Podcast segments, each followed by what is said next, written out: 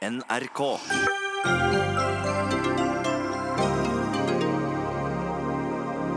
«60 milliarder til landforsvaret de neste årene. Hæren får nye stridsvogner innen 2024. Vi får bare håpe russerne ikke kommer før. NRK er politikernes bortskjemte drittunge, sier Dagbladet-redaktør. Vel, det virker som Markussen er sint fordi vi nyter høy tillit i befolkningen, svarer kringkastingssjefen. Landbruksministeren utsetter hest og helse, Dyrevernalliansen, Norsk seterkultur, Matvett og Biodynamisk forening med flere for statsstøttemassakre. Er det en hevn for at han ikke får ført FrPs landbrukspolitikk? Og delingstjenesten Uber legger ned i Norge, så hva venter regjeringen på?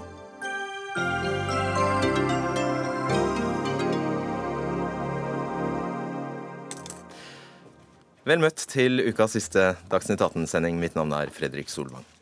Et sterkere forsvar, raskere mobilisering, bedre kampkraft, bedre utstyr og militært materiell, styrking av verneplikten. Ja, det var stikkordene da forsvarsminister Ine Eriksen Søreide i dag la fram landmaktutredningen. Altså planen for hvordan Hæren og Heimevernet skal se ut i årene som kommer. Pål B. Nygaard, du er hovedtillitsvalgt for eh, Hæren i Norges offisersforbund. Forsvarssjefen eh, var såre fornøyd i dag, og det samme var heimevernssjefen, som gleder seg over at de elleve HV-distriktene består. Også sjefen for Hæren mener dette er positivt. Men du er langt fra fornøyd. Hvordan kan det ha seg? Ja, takk. Eh, det er vel kanskje det at jeg representerer da kanskje grasrota i Forsvaret. Jeg har beskrevet det her som en historisk nedprioritering av hær og landmakt uh, i Norge. Uh, og jeg kan begrunne det på følgende måte, hvis jeg får lov. Vær så god. Uh, vi har én brigade i dag i Hæren. Den brigaden har tre kampbataljoner. Regjeringa foreslår å legge ned én av de tre, nemlig 2. bataljon på Skjold. Og da står vi igjen med to mekaniserte kampbataljoner i Hæren. Det er en historisk lavmål. Disse to kampbataljonene det er jo Panserbataljonen på Setermoen og Telemarkbataljonen på Rena. Så gjør man følgende. Man slår sammen materiellet disse to, altså teller det sammen. Deler på tre og plasserer ett materiellsett. Lagrer ett materiellsett en eller annen plass i Nord-Norge, slik at man kan sette opp en mobiliseringsbataljon som erstatning for den nedlagte andre bataljonen. Det betyr at de to gjenværende bataljonene som er i daglig tjeneste, har da mindre materiell, fordi materiellet de to hadde til sammen er delt på tre. Ikke nok med det. Så etablerer man da en hærstyrke i Porsanger. Denne hærstyrken i Porsanger tas fra disse to bataljonene i daglig drift, Telemark og Panserbataljonen. Utstyrer dem og får personell opp til Porsanger. Hvordan, hvordan da regjeringa kan snakke om historisk satsing på landmakt, det er for meg helt ubegripelig. Mm. Mye bataljoner, brigader osv. her, men uh, det som er litt ubegripelig for meg, er uh, hvordan du kan kalle det en historisk nedprioritering. Så er alle sjefene dine fornøyd? Ja, Det får de svare på sjøl. Hva tror du er grunnen? Nei, det, jeg, jeg vil ikke spekulere i hvorfor våre sjefer Jeg vil at du spekulerer i det. Ja, men jeg, får, jeg får, snakke fra, fra, mi, fra, mitt hold. og Jeg registrerer det at Ministeren eh, legger mye retorikk i å kalle ting eh, eh, historisk. Det har hun gjort siden dag én. Men dessverre, fasiten bakom denne retorikken er syltynn. Jeg kan bare si så mye at hun hadde planlagt med at vi skulle få 14,6 milliarder til materiell i Hæren i den fireårsperioden hun har sittet der. Av de 14,6 så fikk vi utbetalt 7,7 milliarder. Mesteparten av de milliardene var det de rød-grønne hadde beslutta i forrige stortingsperiode eh, for at vi skulle eh, eh, få kampvogner til her. Kort oppsummert, konsekvensen av denne misæren mener du er Nei, altså Det står ikke i stil. altså rett og slett, Vi, vi, vi får ikke noe styrker her. Vi fjerner dedikert helikopterstyrke fra Hæren. Det er ingen her som ikke har dedikert helikopterstyrke. Hun skal selge inn en restkapasitet fra kystvakt og redningshelikopter, og sågar sivile helikopter for å støtte Hæren. Det er jo helt gale, Mathias. Så at forsvarssjefen står inne for uh, sånne type fagmilitære råd, det får være på hans bord. Det er ikke på mitt bord. Det har vi skjønt. Takk skal du ha, Pål B. Nygaard, hovedtilsvalgt for eh, Hæren. Ine Eriksen Søreide, forsvarsminister fra Høyre. Det er gale, Mathias? Ja, eh, jeg tror de aller fleste lytterne her syns at dette her var en ramsalt eh, salve som ikke hang helt sammen, og det gjør den virkelig heller ikke. Og jeg må få lov til å svare ut noe av det. fordi det vi har gjort i dag, er å legge fram en eh, landmaktproposisjon som skal videreutvikle Hæren og Heimevernet. Vi skal de neste 17 åra bruke 180 milliarder kroner på investeringer og drift i Hæren og Heimevernet. Det er nødvendig etter at man i mange år ikke har prioritert nok i hele Forsvaret, og heller ikke i Hæren og Heimevernet. Og vi styrker nærværet i nord ved å opprette en kavaleribataljon i eh, Finnmark. Den kommer altså med nye årsverk og vernepliktige. Det har åpenbart ikke Pål Nygaard lest seg fram til. Så den rapper du? Det stemmer ikke det han sier, at du rapper det fra de andre? Nei, vi kommer til å øke antallet fast ansatte i Hæren med ca. 200. Veldig mange av de skal til eh, Porsanger. Men det viktige her er jo at vi gjør det de fagmilitære rådene går ut på. Vi styrker kampkraften til Hæren fordi vi investerer mye nytt materiell, som f.eks. helt nye stridsvogner, artilleri, langtrekkende presisjonsvåpen og mer luftvern. Vi styrker Heimevernet, og vi styrker ledelsen av Hæren og Heimevernet i Finnmark. I tillegg til at vi gjør helt riktige og etter min oppfatning ganske spennende grep med verneplikten og førstegangstjenesten. Vi gjør den lenger for enkelte i Hæren, og det gjør at vi får utnytta den kompetansen som er eh, i, blant de vernepliktige, på en bedre måte. Så vi øker både reaksjonsevnen og vi øker kampkraften. Og jeg har fått utrolig mange hyggelige og positive tilbakemeldinger i dag som tyder på at dette er riktige grep vi gjør, eh, og det er jeg glad for. Ikke bare, tydeligvis. Nei, men Liv Signe Navarsete hadde nok vært uenig uansett hva jeg hadde gjort, for det, det har han vært i fire år. Ok, det kan hende. Liv Signe Navarsete, medlem i utenriks- og forsvarskomiteen fra Senterpartiet. Din første reaksjon? Eh, at her uh, har regjeringen innsett det som Senterpartiet har snakka om i de siste fire åra, nemlig at vi må ha et landforsvar som baserer seg på eh, bataljoner og brigader, og at en må ha både eh, kampluftvern, artilleri og stridsvogner. Det har jo vært, det var, har vi jo diskutert mange ganger før. Så det er tommel opp fra Senterpartiet i dag? Ja, på det punktet. Okay. Men så kommer vi da til et, eh, et annet punkt som Og det er jo veldig bra at vi opprettholder f.eks. HV11, som Sogn og Fjordane soner til. Det har vi kjempa for òg. Men det som er ankepunktet, og det største, det er jo finansieringen. Uh, fordi at sjef for Hæren, Odin Johannessen, kan godt hende han nikker og er fornøyd i dag, men han skrev en kronikk 28.6, og da skrev han følgende Dersom de økonomiske rammene for utvikling av landmakten blir stående, fører det til en de facto nedprioritering av Hæren og Heimevernet og en dreining bort fra et balansert forsvar. Og det er nettopp de rammene regjeringa har lagt fram i dag.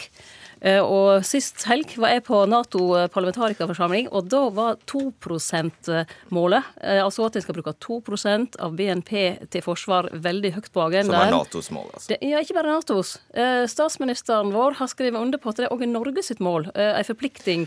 Og det som skjer i dag, når en ikke følger opp det som var landsmøtevedtak både for Høyre og Frp, men legger fram altså bare rammer for langtidsplanen og ikke ei bane som fører oss til det 2 %-målet, så har en ikke ei ramme som gjør at en får det nødvendige volum på hær og heimevern, og heller ikke de investeringene som trengs. De, da kan jo heller ikke du vite om de treffer eller ikke. Nei, men altså Poenget mitt er at det er noe bra her. Altså innretningen, retningen på det en gjør, den er jeg samd i. og Senterpartiet ja, men Du sier det er for lite penger, og så ja. etterlyser du en bane. Altså en, en prognose for når nei, de skal Nei, jeg etterlyser en opptrapping i kroner og øre som må være mye mer enn det som ligger her i dag. Og hadde en gått for det, så hadde en òg hatt mulighet til å investere i helikopter, eller beholdt okay. helikopteret til Hæren, og en kunne òg hatt det nødvendige volum på eh, Forsvaret, både her og heimevern, og ja. ikke behøvd å redusere. For jeg, ikke, jeg, er ikke tilfredsstilt med det svaret som kommer nå, hva som skjer med andre bataljon. Og det skal vi eh, bore atskillig mye mer i i tiden framover. Veldig, veldig raskt til dette med pengene, Ine Eriksen Søreide. Hvor mange prosent havner, på, havner vi på med dette? Ja, altså det er jo budsjettet som helhet som avgjør det, ikke bare rammene til Hæren og Heimevernet. Men vi ligger på ja, ca. 1,6% av BNP. Eh, og det som er det viktige her, er at den eh, landmakta vi nå utvikler, skjer altså innenfor betydelig økte rammer. Hadde vi hatt de budsjettene som eh, både Arbeiderpartiet og Senterpartiet administrerte da de satt i regjering, så var det unnskyld, nedadgående. Ja, det er greit, men 1,6 er langt unna 2. Det er det, men det er jo fordi at vi også nå øker kraftig BNP-et vårt. Økonomien går bra i Norge. Og det vi har gjort i budsjettene, er at vi i 2018 har lagt på 3 milliarder friske kroner. I 2017 så legger vi på ca. 2,8 milliarder friske kroner. Vi har aldri vært i nærheten noen gang av å bruke så mye penger på forsvar og øke så mye. Det er en klar prioritering fra regjeringa, og det gjør at vi øker kampkraften, vi øker reaksjonsevnen, okay og Forsvaret blir bedre. Anniken Huitfeldt, eh, medlem i utenriks- og forsvarskomiteen fra Arbeiderpartiet. Mer penger, bedre materiell og beredskap og reaksjonsevne. Her er jo alt et forsvar trenger, så her er det vel egentlig bare å bejuble? Det var jo mange som var redd for at Telemarksbataljonen skulle bli splitta. Og det er nok grunnen til at mange er letta i dag. Og jeg er også glad for eh, at forsvarsministeren foreslår økt tilstedeværelse i Finnmark. Det mener jeg er et helt riktig grep.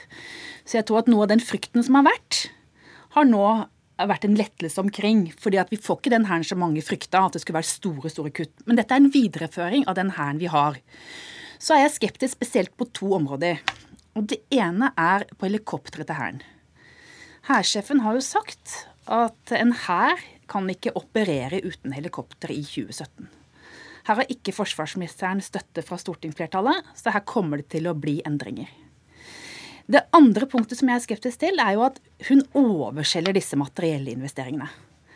Artilleri det vedtok Stortinget i 2012. At det kommer nå som en stor historisk satsing, da selger hun dette eh, på en måte som ikke hører hjemme egentlig i, i virkeligheten. Dette visste alle ville, ville komme.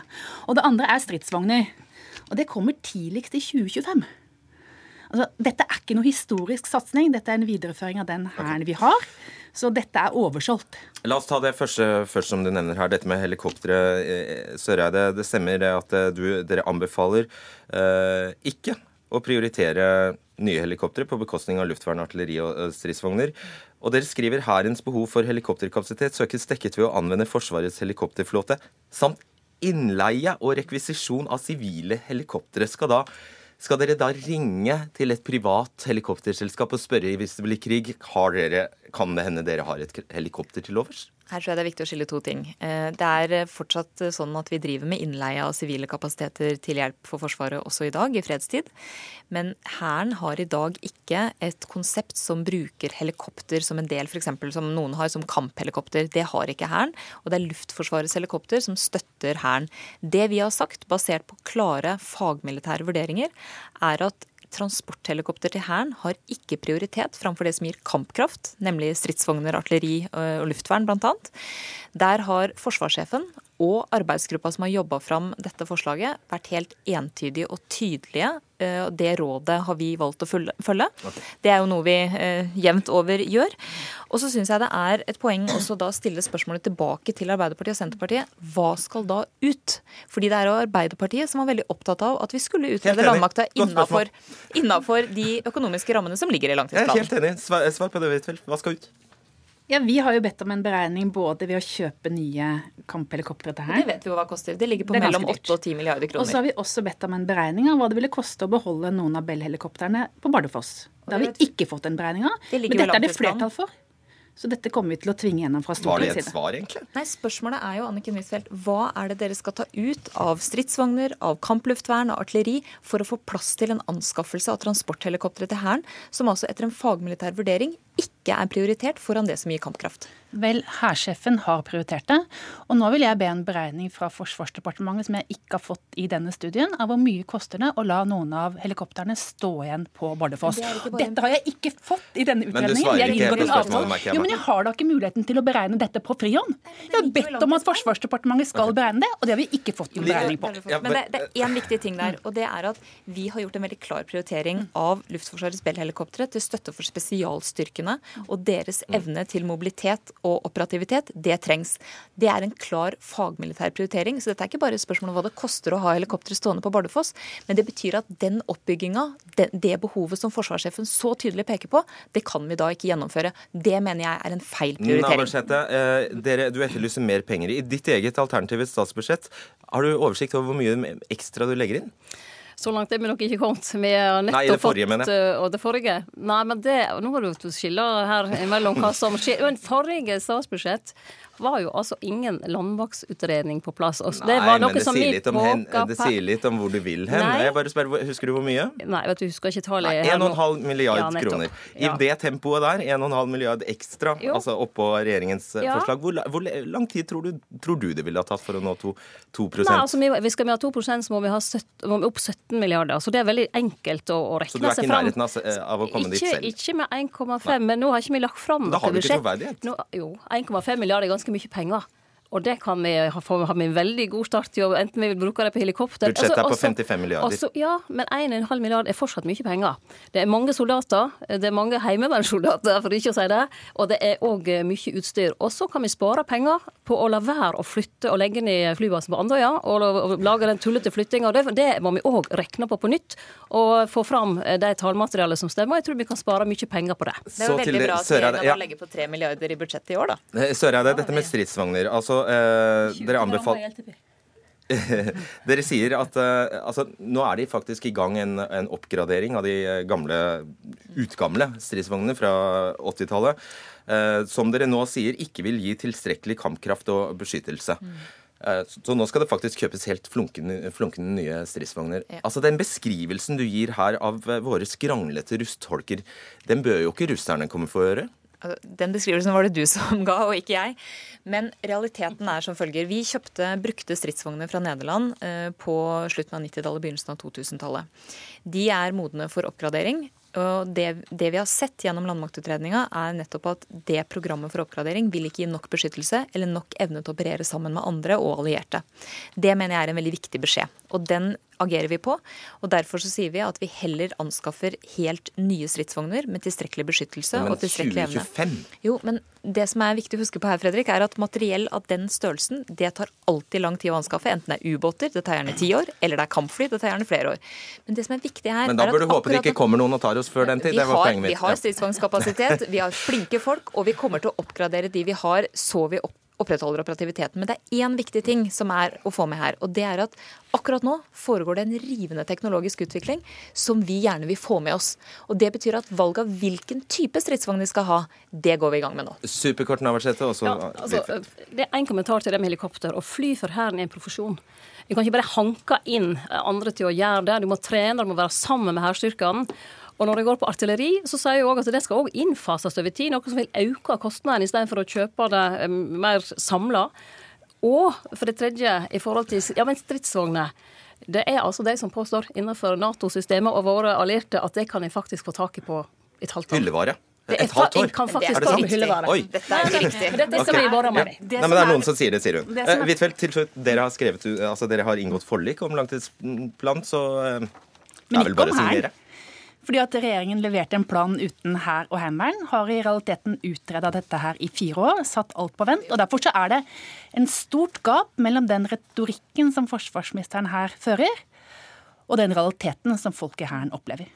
Ok. Eh, Nei, sorry. Nå ble jeg streng. Takk skal du ha. Langt over tiden uansett. Takk skal dere ha. Ine Eriksen Søreide, Anniken Huitfeldt og Liv Signe Navarsete.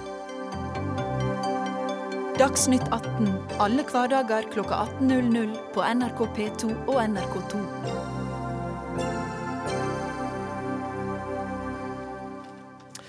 NRK er blitt vårt ufordragelige felleseie. Hvis man ikke forsvarer alt ved NRK, ja, da blir man sett på som irriterende og sutrende.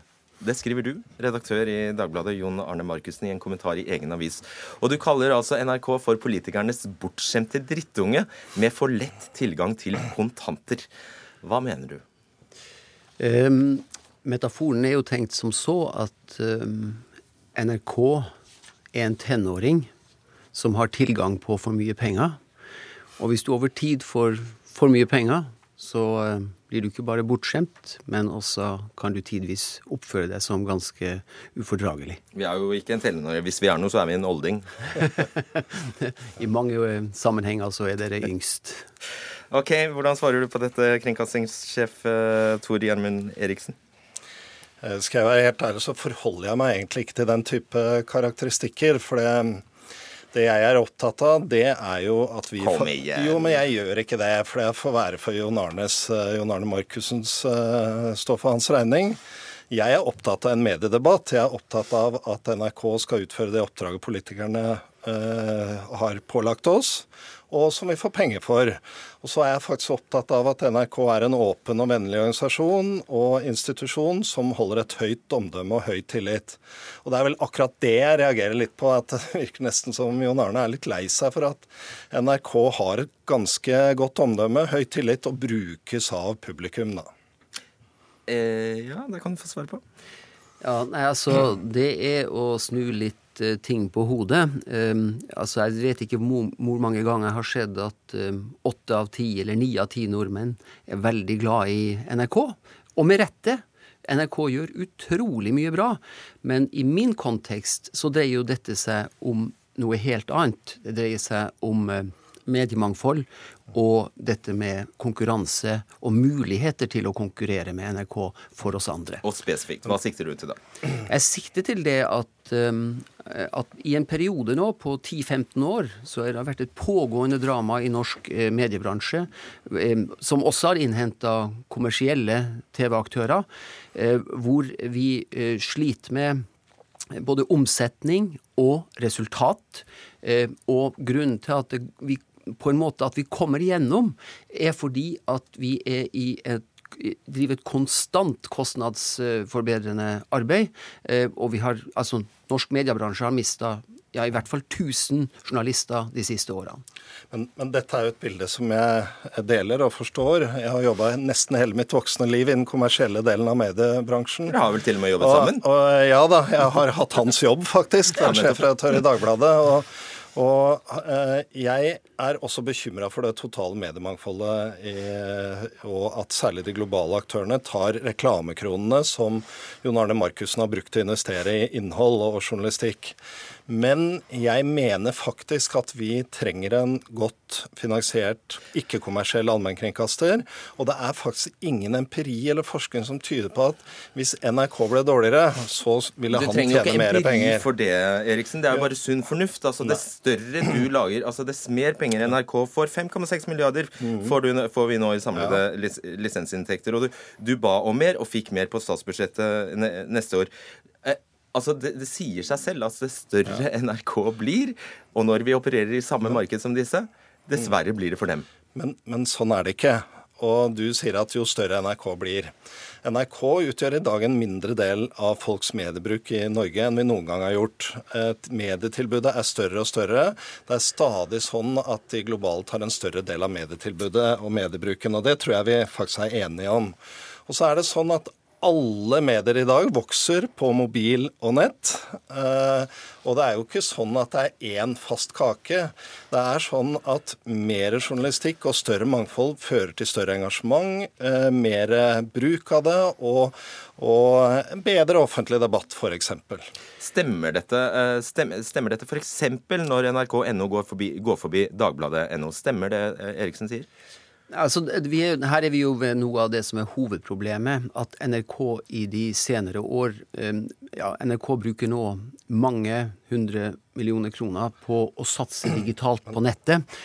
Og det er klart at når NRK Altså, det eneste NRK ikke driver, er jo en papiravis. Man driver jo en, en, en en av landets absolutt største nettaviser med masse tekstbasert. Og, og, og, og, dette er jo meget problematisk for oss. Og det burde vi ikke gjort, da? eller? Jo, dere kan godt legge ut innholdet som dere har. Dere har utrolig mye godt radioinnhold, TV-innhold. Men det er klart at det er problematisk fordi at uh, vi prøver jo, etter å ha fått føringer fra politikerne osv., å bygge opp bl.a. digitale betaltjenester. Men når dere legger ut dette innholdet gratis, så blir det vanskelig for oss. Men tro, meg, jeg eh, ønsker Dagbladet alt godt. Og jeg ønsker at vi skal opprettholde et mediemangfold. Men det er altså ikke sånn at de landene, f.eks. i Sør-Europa eller i USA, som har dårlig offentlig finansierte allmennkringkastere, har et bedre mediemangfold men jeg skal for si øvrig. At mange av dem har Også, dørge, veldig jo, men, veldig kjedelige nettsider, f.eks. Ja, jo, men, jo, men og så er det også sånn at det høres ut som NRK eh, bruker alle sine penger til å konkurrere med Jon Arne Markussen. Vi har et veldig bredt eh, oppdrag. Eh, vi eh, har eh, et sjangre som ingen andre leverer. Det er livssyn, distrikt, barn. Du har selv forklart eh, vår framgang på nettet delvis med skam. Og det er jeg helt enig i. Altså Skam som skal møte ungdom, som har vært en veldig viktig serie, også for norske ungdommer, eh, og for norske og for verdidebatten, hadde ikke vært mulig å få til hvis vi ikke hadde tatt i bruk mobil og nett. Og Derfor så er vi nødt til eh, å også være der på de nye plattformene. Hvis du var enehersker, eh, Jon Arne Markussen, hva hadde du gjort med NRK? Nei, jeg vil ha Det er jo, det er jo ikke Jeg syns jo at Tor Gjermund fortegner dette noe. Det er jo ingen av oss som deltar i en debatt om NRKs rolle i mediemangfoldet, som ønsker å strupe NRK. Det har jeg da heller ikke sagt. Nei, si hva du vil. Ja, nei, det, det, som, det, som, det som jeg syns dette dreier seg om, det er at det må være en viss balanse mellom den offentlige finansiering av NRK og våre muligheter til å konkurrere med NRK. Skal vi legge ned NRK.no? Nei, det syns jeg Skal kanskje Skal vi gjøre den til en kjedelig side med Nei, bare men, bilder og men det hadde, video? Det hadde vært fint hvis man kunne få til en dialog hvor man f.eks. brukte radioinnhold, TV-innhold, men ikke så aggressivt kjørte en, en, en, en gratistjeneste på, på nrk.no. Ikke lage nettavis. Nei, ikke nettavis. Nei. Ikke nettavis. Ikke nettavis. Den, den nett nettavis, som du kaller det. Hva er en nettavis i dag, da? Altså Vår, vår nrk.no den løfter fram ikke bare nyheter, den løfter fram hele tilbudet til NRK. Det er mer og mer både radioinnhold, TV-innhold, bilder, og det er også tekst der. Men det er sjangre fra barn til politikk og til valgkamp. Og nå har vi akkurat vært gjennom en valgkamp. Og det er i hvert fall sånn, eh, Jon Arne, at uh, vårt mål er å nå og engasjere ungdommen politisk i en valgkamp. Det ville ikke vært mulig hvis vi ikke kunne bruke nett og mobil. Og Derfor er spørsmålet egentlig vil vi ha en god allmennkringkaster framover, ikke om vi skal være på nett eller mobil. Og så har jeg lyst til å gi deg rett i en ting, og det er at jeg mener også at det må være en balanse. Og jeg mener at en god allmennkringkasterpolitikk, som vi har hatt bred politisk oppslutning i, i, Norge, også er et argument for at vi har en god politikk som understøtter det øvrige mediemangfoldet. Og Jon Arne kjemper nå for nullmoms, lavere arbeidsgiveravgift, ulike pressestøtteordninger. Og, og, det ønsker jeg han lykke til i. Og jeg er helt sikker på at hvis vi hadde hatt en dårlig allmennkringkaster, og vi ikke hadde brukt fellesskapets penger på det, så ville viljen til å bruke penger på det eh, andre mediemangfoldet også vært mindre. Dere skal eh, bli utsatt for en aldri så liten quiz. Hvor sto ja. denne tittelen? NRK.no eller Dagbladet.no i ettermiddag? Fristende spørsmålstegn. Denne fornøyelsesparken ligger på en underjordisk innsjø. Jeg tipper det er NRK. Ja, så Det er jo åpenbart når du prøver det sånn nå. ja, det var litt for åpenbar. Min nye partner har liten penis, og det påvirker sexlivet. Dagbladet eller NRK? Det er vel mest nærliggende at den er hos oss. mm. Menn bør sende penisbilder til hverandre. Dagbladet eller NRK? Nei, den tror jeg ligger på Dagbladet. Det var NRK. Altså, Poenget med dette er jo at av og til Eriksen, så er vi veldig like. Men jeg ville også til enhver tid funnet masse innhold på nettstedet til NRK mm. som ingen andre ville ha hatt. Det er jeg helt, helt sikker på. Men hvis jeg får lov å ta opp én ting når jeg har Tor Gjermund her, så er det dette med deling av innhold. Um, og jeg ser ofte fra NRKs side, på forskjellig nivå i NRK, så sier man det at uh, hallo, uh, Dagbladet og dere andre private aktører, det er ikke ikke vi som er deres problem. Det er sosiale medier med Facebook, det er Google, det er Netflix, hva det måtte være. Men det som jeg reagerer på, f.eks., er at når man diskuterer om NRK kan være med og dele av sitt fantastiske innhold med oss norske aktører, så er det veldig vanskelig å få til. Men jeg ser f.eks. jeg har gjort sammen med andre en opptelling. NRK publiserer på Facebook nå over 130 artikler per dag. Og dette er virkelig eh, krevende for oss, altså. Så ikke skal vi få være på internett, og ikke skal vi være på Facebook? Okay. Nei da, men, men, eh, for å være For å ikke, ikke liksom skyve det bort, så mener jeg at noe av det vanskeligste vi som medieledere forholder oss til nå, det er balansen mellom tredjepartsplattformer og våre egne. Og så setter du likhetstegn mellom å dele og publisere. For at eh, det er to helt forskjellige ting. Jeg skal love deg at jeg kan begynne å publisere på dagbladet.no i morgen hvis vi får de samme rammene og samme redaksjonelle eh, kontrollen som Dagbladet har på Facebook. Dere er inne i en ganske avansert så, så og litt annerledes diskusjon. Og så skal jeg ta utfordringen nå. Hvis vi går inn i oss selv og ser hvordan kan vi dele mer av innholdet, også med norske aktører. Problemet er at vi antagelig ikke har lov til å si at det er bare norske som får lov til å ha det. Så hvis vi åpner opp, så tror jeg nok at det er, er krevende å si at noen skal få det, og andre ikke. Du får avslutte veldig kort, Markus. Ja, Det siste syns jeg jo er et, et, lovende signal, slik at vi får til en dialog rundt dette. Og du spurte meg i sted, Fredrik, eh, hva ønsker jeg? Jeg skulle ønske at uh, i en periode ble en um, At man frøs lisensen over tid, og, og, og, og, la oss andre få en sjanse i en to til fire år. Kanskje vi kunne bruke det man sparte på det, til f.eks. å gi oss lette i arbeidsgiveravgift i en periode. Okay, det, ja. Ja. men det høres ut som lisensen liksom vokser til himmelen. Det vi har en, det, og jeg er fornøyd, jo, jo, men jeg er fornøyd med dem. Vi får altså 1,8 økning eh, neste år, som er eh, ganske mye under pris- og lønnsvekst. Sånn at det kommer til å bli eh, effektiviseringer her i huset også. Altså. Det er det ingen tvil om. Men det er helt... Å, huff. Ikke mer. Nei, nei, jeg bare tuller. Takk skal dere ha, Jon Arne Markussen og Tor Gjermund Eriksen.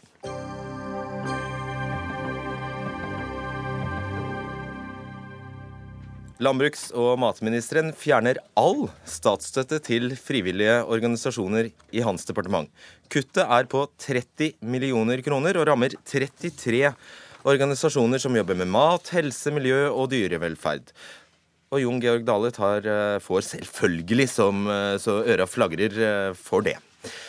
Tora Wold Dombu, du er styreleder i Norges bygdeungdomslag. Var det et sjokk? Det kom i hvert fall overraskende. Eh, men eh, nå har jo eh, sittende regjering prøvd å justere og endre litt på den støtteordninga her i flere runder. Men det ja, det, kom litt brått på oss i okay. går. Ja, det gjorde det. En lite sjokk? Ja. Ok. Um, konsekvensen, da? Eh, historier om eh, norsk eh, landbruk kommer til å se helt annerledes ut. Eh, Suksesshistorier som, som regjeringa løfter fram gang etter gang etter gang.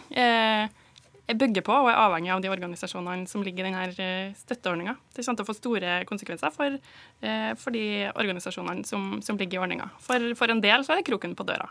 Ja, uten statsstøtte. Og bare for å se, eh, se på din egen organisasjon, Norsk Bygdeungdomslag, så har dere 7500 medlemmer og vil miste 140 000 kroner.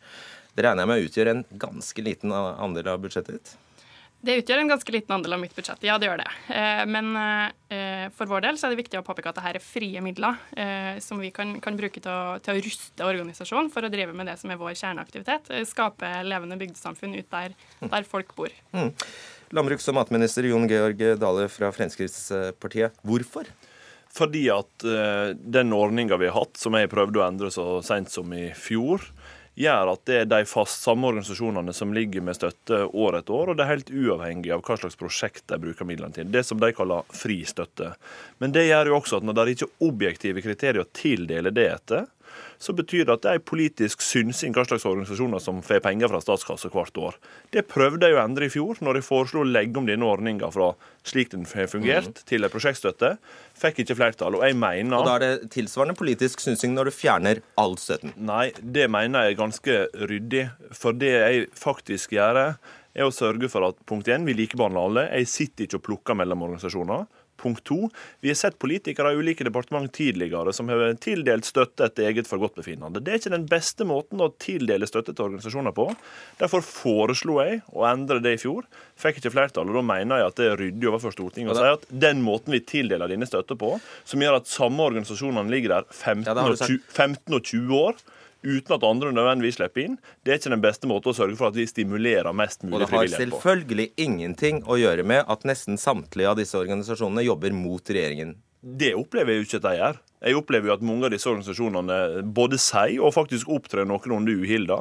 De gjør en god jobb, okay. en god jobb for frivilligheten. Eh, så det, det, er ingen grunn til å eh, omtale mange av disse organisasjonene som meningsmotstandere. Mange av disse har jeg besøkt, mange av disse har jeg hatt nær kontakt med, og mange av disse gjør en formidabel jobb. Men det er ikke rett at vi har varig støtte som er basert på politisk synsing på hvordan det er tildelt. Nils eh, Sandtrøen, du er landbrukspolitisk statsperson i eh, Arbeiderpartiet. Eh, I dag var du og Jonas Gahr Støre på det som kalles Matsentralen i Oslo. Det er altså et sted de tar imot mat fra dagligvarebransjen som ellers ville blitt kastet. Hadde du vært der før?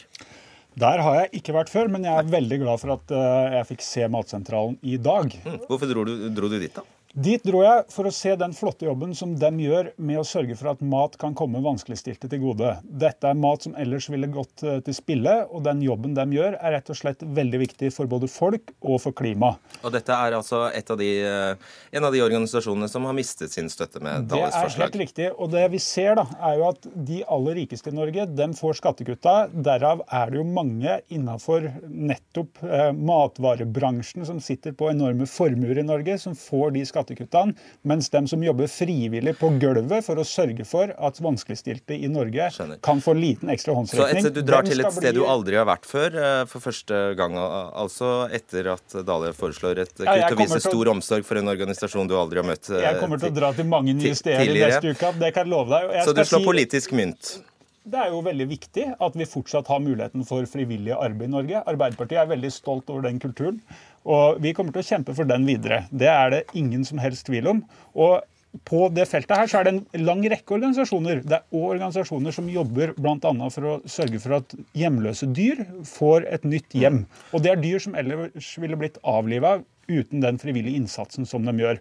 Så dette her er ganske alvorlig. Så med Arbeiderpartiet kan du love at alle disse var det 33 organisasjonene med helt mekanisk vil, for, uh, vil, uh, vil uh, få beholde sin støtte? Nei, er, det, er, det, løftet ditt? Nei, for dette her er mye mer grunnleggende og enda større enn det du tar opp nå. For det er jo hele ordninga som landbruksministeren vil fjerne. Han vil rett og slett bare avvikle hele muligheten. Ja, du hørte hva jeg spurte om. Ja. Vil, kan du, lover du, i og med at du tropper opp på Matsentralen i dag, da tydelig viser at de skal i hvert fall få beholde støtten sin.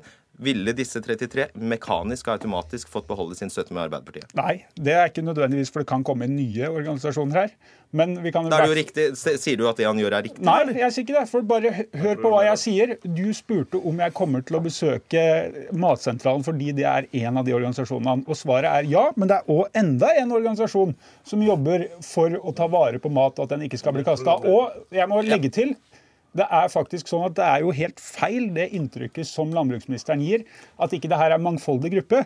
Hvis du ser på den lista som jeg sitter med nå, så er det enten organisasjoner som tar vare på dyr, det er ungdomsorganisasjoner, det er barneorganisasjoner og det er organisasjoner for kvinner. Jeg har knapt nok sett et større ja. mangfold enn den lista jeg har foran meg her nå. Dale. Dette illustrerer jo hele problemet. for Når Arbeiderpartiet nå sier at de ikke garanterer for disse organisasjonene, men det er noe som kan komme inn, og da må dere dette ut, så viser det hele poenget. Her er ikke objektive kriterier for tildeling, og det betyr at hvis Arbeiderpartiet skulle følge det, så skulle de sette an denne lista, så skulle de plukke hvem de skulle ha inn, og hvem de skulle ha ut. Og det er hele poenget. Det er ikke slik vi kan tildele støtte Nei. til organisasjoner i, og da er det bedre å bare stryke absolutt alle? Da er det bedre når de først foreslo å legge om denne støtta til prosjektstøtte, ikke fikk flertall for det, så er det naturlig for meg å være åpen med Stortinget på at dette er en problematisk måte å tildele støtte på. Greit. Vi skal ha med oss fjerdemann. Du får slippe til igjen. Dag Blakkesrud, du er daglig leder i Biolo, Bi, Biologisk dynamisk forening. Du er med oss på ja, telefon... Ja, Uttalte jeg det rett? Ja. ja. Bra. Du er med oss fra Hellas. Hvilke konsekvenser får dette kuttet for din organisasjon? Dere får altså 151 500 kroner mindre? Nei, du kan si eh, det som, det som, er viktig for oss med denne formen for støtte, er jo det som noen andre har vært inne på tidligere, nemlig at dette er frie midler som kan ligge i bunn av andre søknader. Og på mange måter har jeg jo sans for det som landbruksministeren sier, at eh, prosjekter er viktig. Og det er jo stort sett prosjekter vi alle sammen jobber med. Og ingen vil bidra til administrasjon. Og det som blir litt, eh, skal vi si, litt Jeg spurte om hva blir konsekvensen?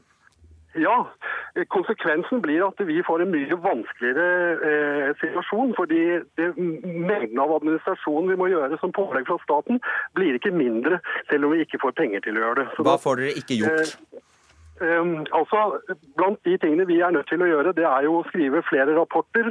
Uh, vi må levere uh, dokumentasjon på uh, mange forskjellige ting, og vi må levere søknader. Og alle, alle disse skal vi si, byråkratiske funksjonene er jo en del av vår administrasjon. Jeg blir veldig, forvirret, ja, jeg blir veldig forvirret nå, for er ikke dere en helt frivillig organisasjon? Du, du snakker jo. som om dere er pålagt masse, masse rapportering og greier. Er dere ikke en Nemlig. helt frivillig organisasjon? Nei, men du kan si at Hvis vi søker eh, og får et prosjekt med statlig finansiering, så er det ikke sånn at eh, det er penger som kommer rett på konto. Det er sånn at eh, da kommer Så du skal ha statsstøtte for å få tid til å skrive rapporter til staten? Nettopp. Sånn at, eh, ja, men Hører du ikke selv hvordan det høres ut?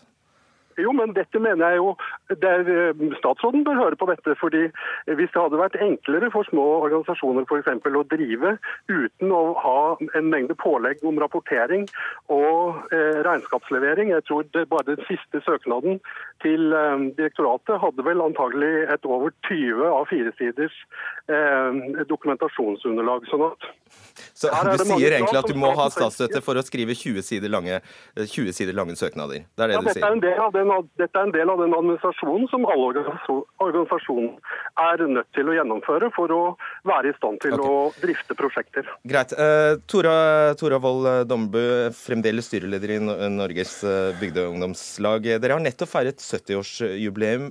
Det kunne umulig ha vært ideen i 1946, da dere ble skipet, at Eh, by- og bygdeungdom var totalavhengig av statsstøtte? Nei. Eh, det er ikke sånn at vår organisasjon er totalavhengig av statsstøtte. Eller avhengig av, da. Eh, men det er jo sånn når en driver en, en, frivillig organisasjon i Norge, og kanskje særlig barne- og ungdomsfrivilligheten, at det må finnes et system i bunnen for at vi skal kunne drive med vår kjerneaktivitet. Vi må ha et kontor, vi må ha et medlemsregister, og vi må kunne drifte en nettside. Og de tinga her hvis vi ikke skal finansiere det med, eh, med statlige eller offentlige penger, eh, så må vi øke egenandelen eh, på deltakelse på våre arrangement, eller vi må øke medlemskontingenten vår. Og Det er jo hinder for deltakelse for barn og unge, og det bryter med regjeringas egen fritidserklæring, f.eks. Så vi syns det her er, dårlig og lettvint politikk fra regjeringas side. Du får svare kort på det, Sandtrøen. Hva gjør Stortinget med dette her? Er Stortinget kommer til å si klart ifra at frivillighet i Norge er en grunnleggende positiv norsk verdi. Og Det er der debatten går, egentlig, for nå ble det mye fram og tilbake her. Men poenget er kort og godt skal de organisasjonene her få et signal fra fellesskapet i Norge at den jobben de gjør, er positiv, og at det ønsker vi mer av, for det mener vi er riktig. Og med signal mener du penger? Ja, da mener jeg en liten symbolsk støtte. I flere av tilfellene så varierer det. Noen er på millioner, andre er på noen Sju millioner, ja, det, er det er ikke akkurat symbolsk. Jo, men det er derfor dette blir så smålig, for det er flere punkter ned lista her, Fredrik. F.eks. en på 100 000 kroner. Og da ser du hvor akutt de er avhengig av å samle sammen penger som de skal gi til skattekutt til de aller rikeste i Norge, i stedet for Ja, men det er jo ja. det som er realiteten. Det er, ja, det er realitet. Men, du skal få med deg siste spørsmål. Eh, fordi det, det, stedet der, ja, det stedet der Sandtrøen eh, var i dag, Matsentralen altså Her skyter du deg aldeles i, i foten. Du har nettopp undertegnet en bransjeavtale mm. om matsvinn. Og det, det, Matsentralen og organisasjonen Matsvinn er helt sentrale i å gjennomføre det tiltaket. Og så kutter du statsstøtten dagen etter omtrent. Jeg skal svare på det, men til Sandstrøen. Altså, vi så under forrige regjering at statsråder gikk av fordi en hadde lemfeldig tilgang eller omgang med å faktisk tildele midler. Det må være ordentlig. Jeg mener at det er mulig å danne objektive kriterier. Derfor foreslo jeg prosjektstøtte i fjor. Det kunne f.eks. vært mulig å utbetale dette per betalende medlem. Da hadde det vært objektivt, ikke politisk synsing, men til Matsentralen. Kjempekjapt. Åpenbart et viktig tilbud. Derfor er det f.eks. avgjørende at vi har fjerna momsen, som gjør at de faktisk slipper å betale kostnaden som du hadde tidligere, når de styrte. Når de sier at vi har gitt eh, skattelettene til dagligvaregigantene, så er det de som i all hovedsak okay. finansierer Matsentralen. Mens byrådet, som Arbeiderpartiet sitter og leder i Oslo, og som det ligger i byen til, har jo ikke villet være med å ta regninga. Så det er jo greit hvis Arbeiderpartiet er litt konsistent. Tusen takk for ordskiftet. Solberg mener det er greit Nei, å gi støtte til HRS, takk skal dere ha. så da må det være flere positive prosjekter. Takk skal dere ha, Jon Georg Dale, Nils eh, Sandtrøen, Tora Wold Dombu og Dag Blakkesrud.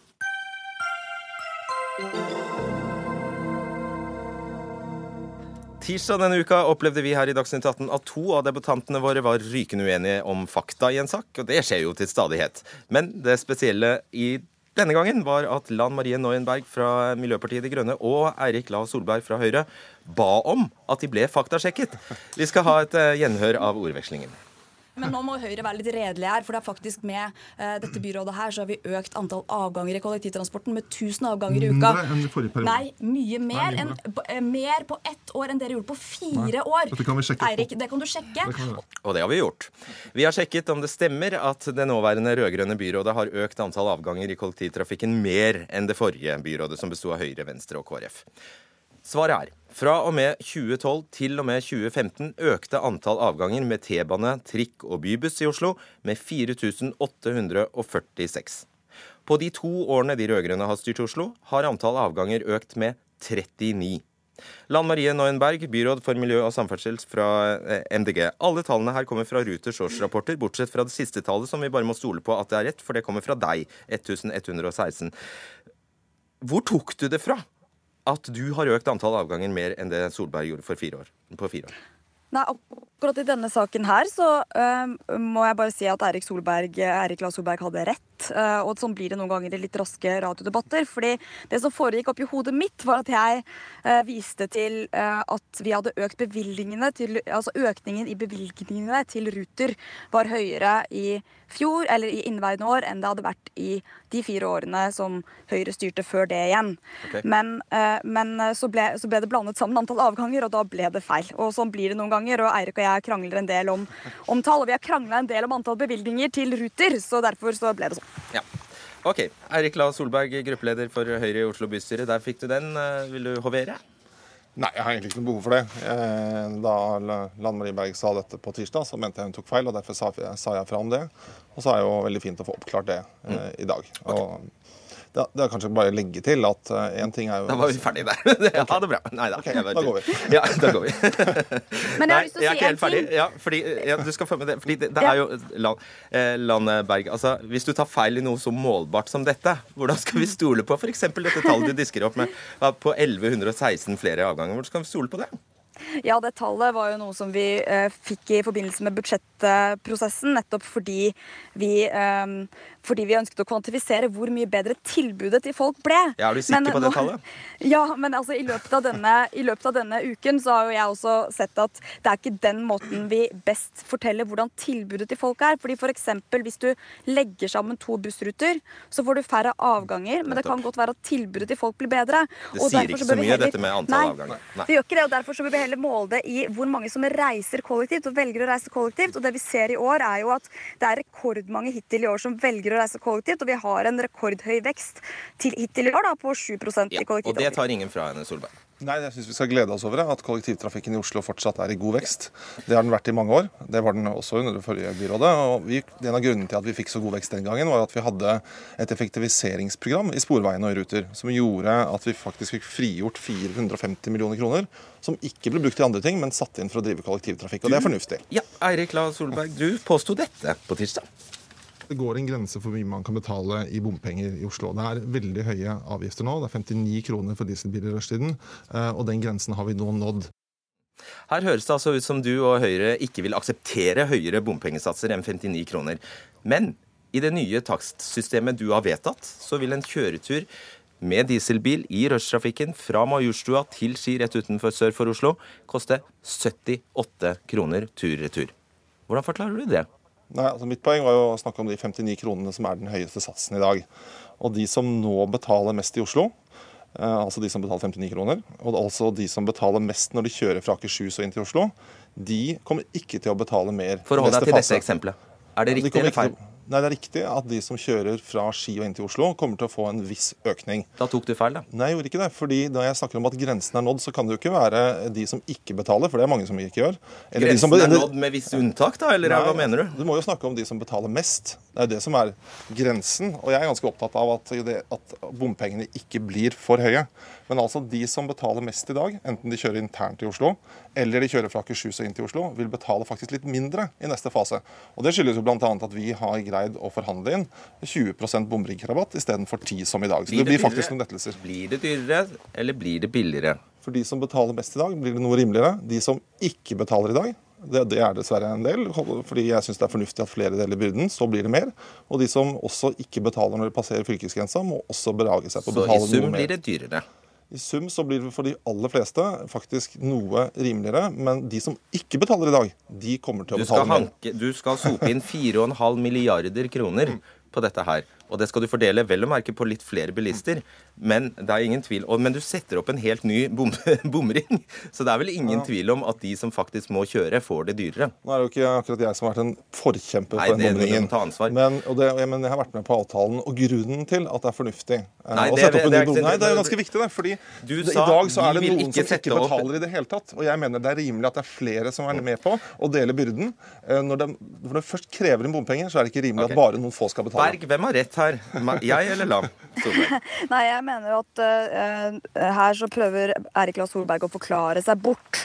Og jeg mener at vi ikke skal ta inn i hvert fall ikke skal ta inn bompenger og så sløse dem bort. og det, Vi har vært tydelige på at vi mener at uh, pengebruken på ny E18 er helt ute av proporsjoner. og Egentlig så vil jo e Eirik Lahl Solberg ta inn enda mer bompenger, fordi han ønsker å gjennomføre et prosjekt der hvor man skal ta inn 40 milliarder med bompenger fra eh, nesten 40 milliarder, da. Veien koster 40 milliarder. Så når han sier at vi vil ikke akseptere ja, ok, sorry at jeg avbrøt deg, men når han sier at vi, vi vil ikke akseptere høyere bompengesatser enn 59 kroner, da tenker du da tenker jeg at han tar feil, for han har jo nettopp trumfet igjennom et prosjekt som koster så mye at det vil bli en økning på kanskje på, i, i, verste fall over 100 kroner ekstra, i tillegg til de bompengene som vi har skrevet under på. Jeg er veldig glad for at Lan nå erkjenner at E18 skal bygges hele veien. Uh, og det er jo de som betaler på den en gang i fremtiden, de vil jo faktisk få en vei tilbake. Sporty av dere å komme ja, tilbake. Takk skal dere ha, Lan Marie Nøyenberg og Eirik La Solberg.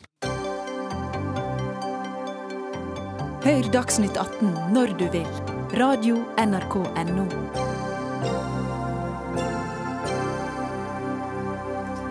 Denne uka kom nyheten om at delingsplattformen Uber gir opp sin satsing i Norge på ubestemt tid, etter flere år i det man kan kalle juridisk limbo. Nå har de borgerlige ungdomspartiene sett seg lei av regjeringens somling og krever nå full støtte til en løsning for Uber, skriver VG i dag. Sandra Bruflot, du er eh, første nestleder i Unge Høyre.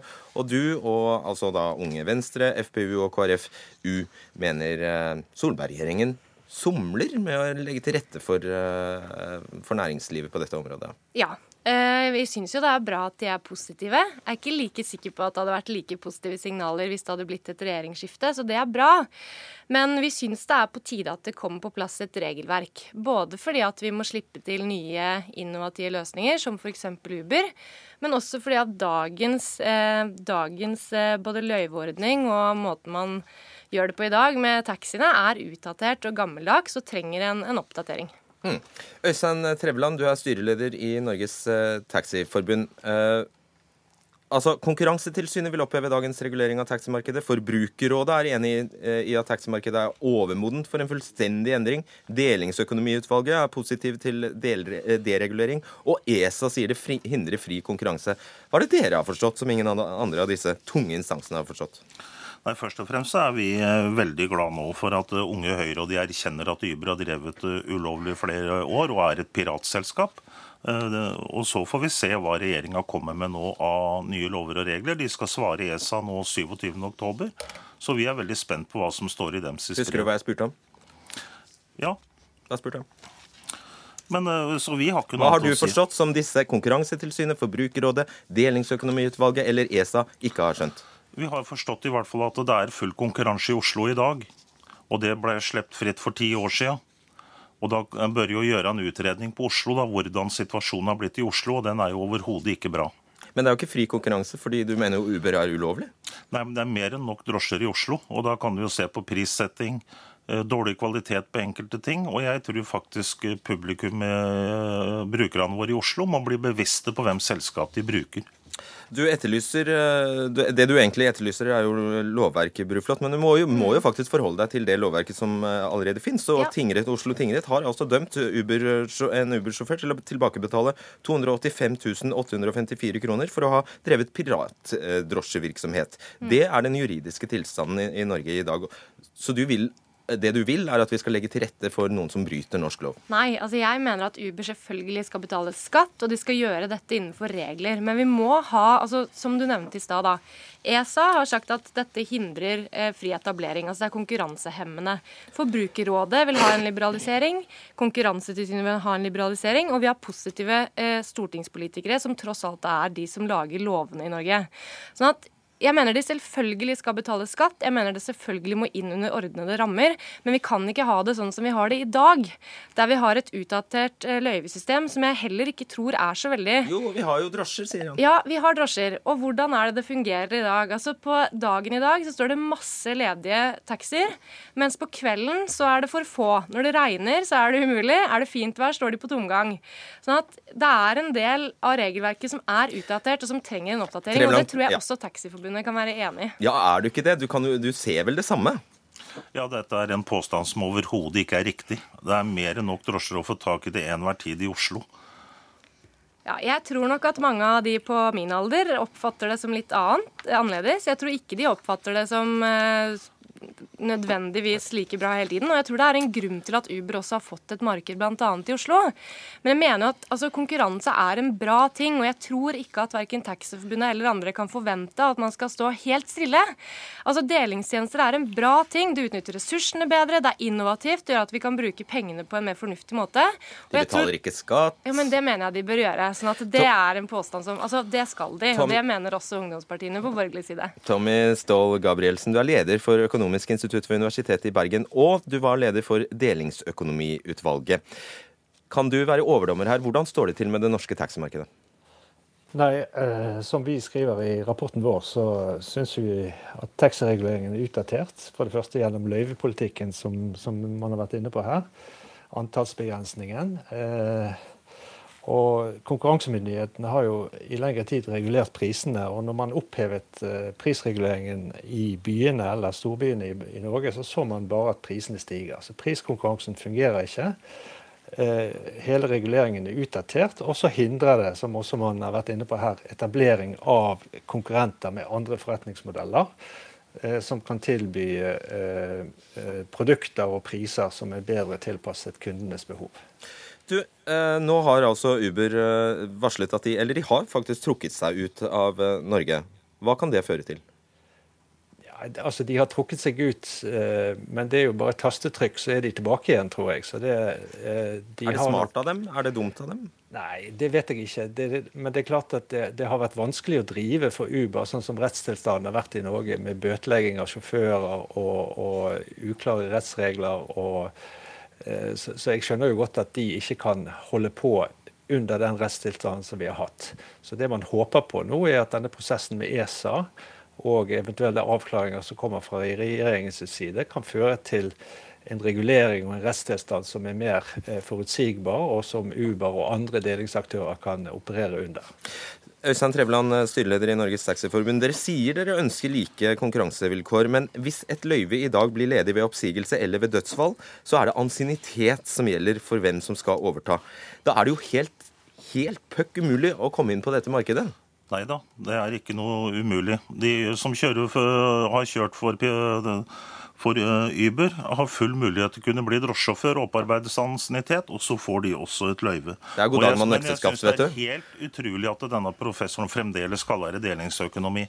Det er et totalt skivebom. Det er et piratselskap. Og, og ferdig med det, som ikke betaler skatter og avgifter. Det har vi sett. De har fått store bøter. Og dem det er synd på her, er jo faktisk eh, disse sjåførene som har blitt lurt ut i stry av dette piratselskapet Uber.